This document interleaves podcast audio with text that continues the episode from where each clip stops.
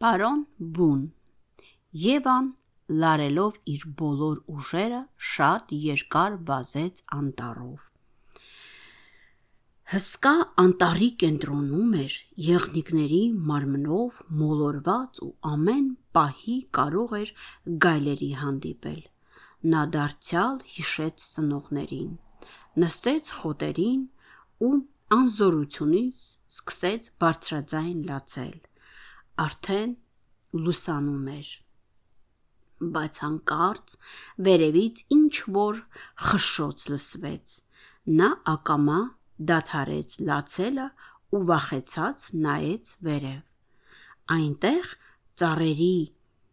ամենավերին ճյուղում նստած էր մի փառահեղ բու, որը խոշոր ու խելացի աչքերով ուշադիր հետևում էր իրեն։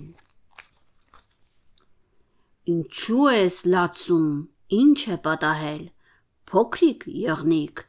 վերևից անսպասելի հարցրեց բուն։ Եվան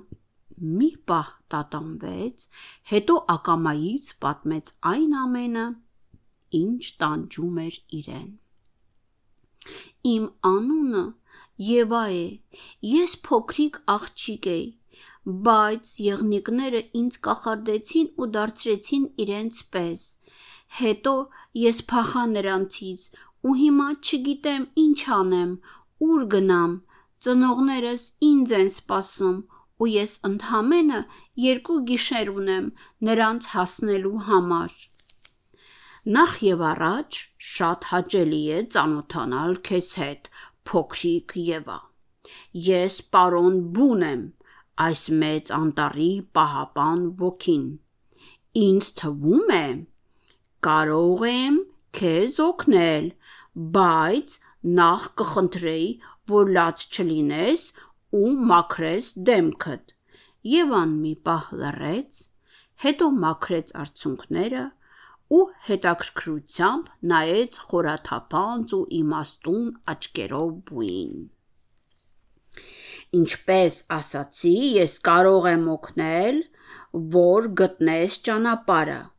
բայց դրա փոխարեն դու էլ պետք է ինձ օգնես, ավելի ճիշտ բոլորիս, անտառի բնակիչներին։ Խեղճ կենթանիները այստեղ շատ մեծ վտանգի առջև են կանգնած։ Իհարկե, պարոն Բու, բացականչեց Եվան ուրախանալով։ Ինչ պետք է անեմ, ասեք։ Լավ, շարունակեց պարոն Բուն։ Արդեն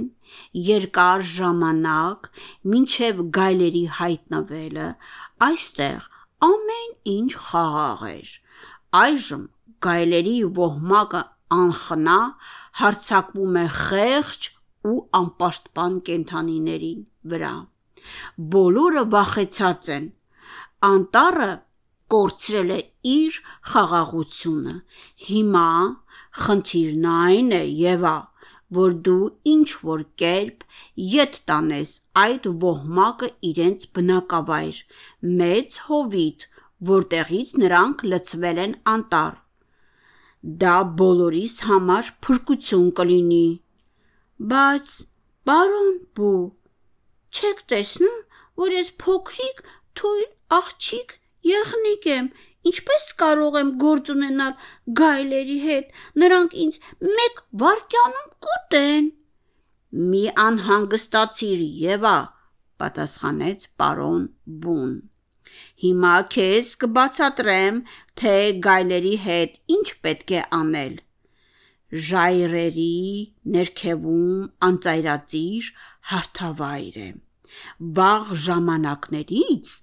գայլերը այնտեղ էին ապրում, սնվելով դաշտային մկներով։ Հիմա, երբ գայլերը հայտնվել են անտառում, մի կողմից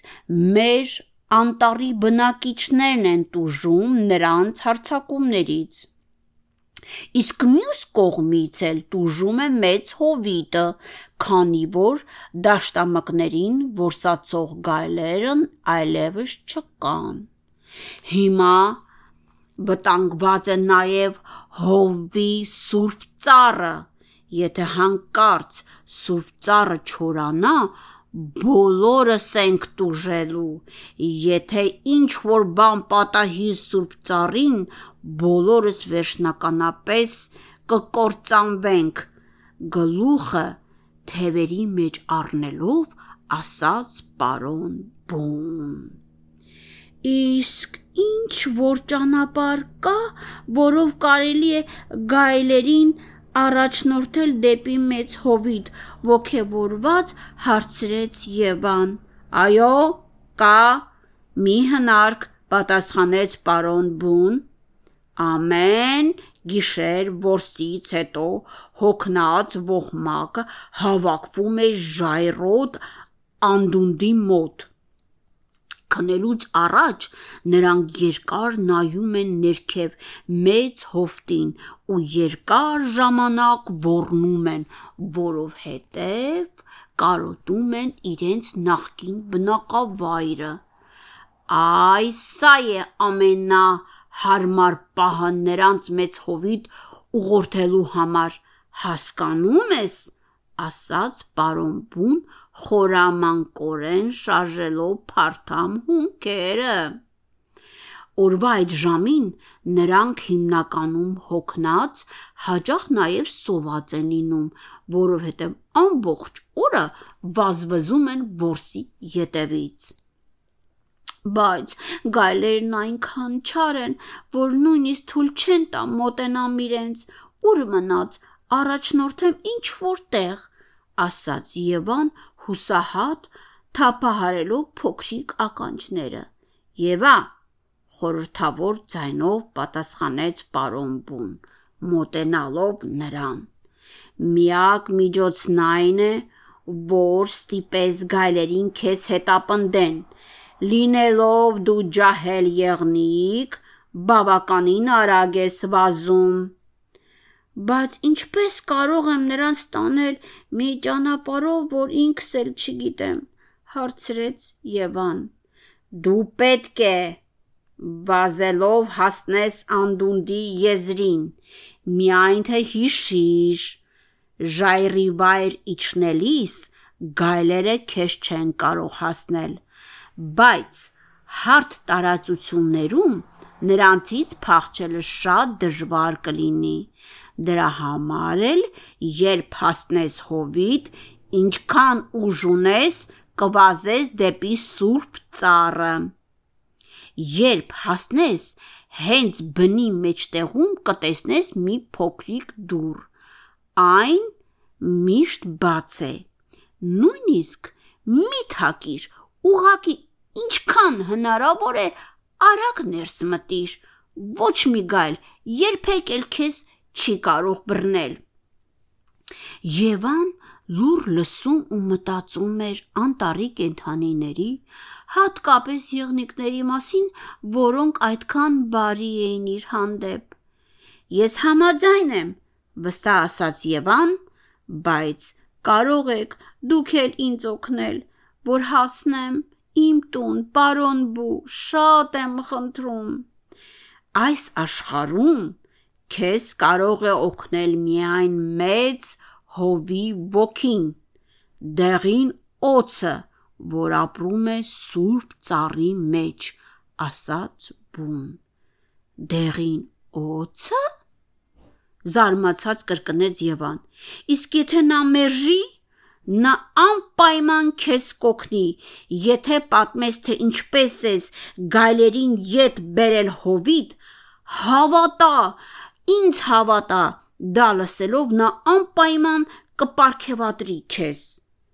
Ափա նայելով նա Եվային ասաց. Միայն քեզ նման բարի ու քաջ մեկը կարող է այս գործը գլուխ բերել։ Եվա, այդպես չէ։ Կարդաց Մարա Բաբոն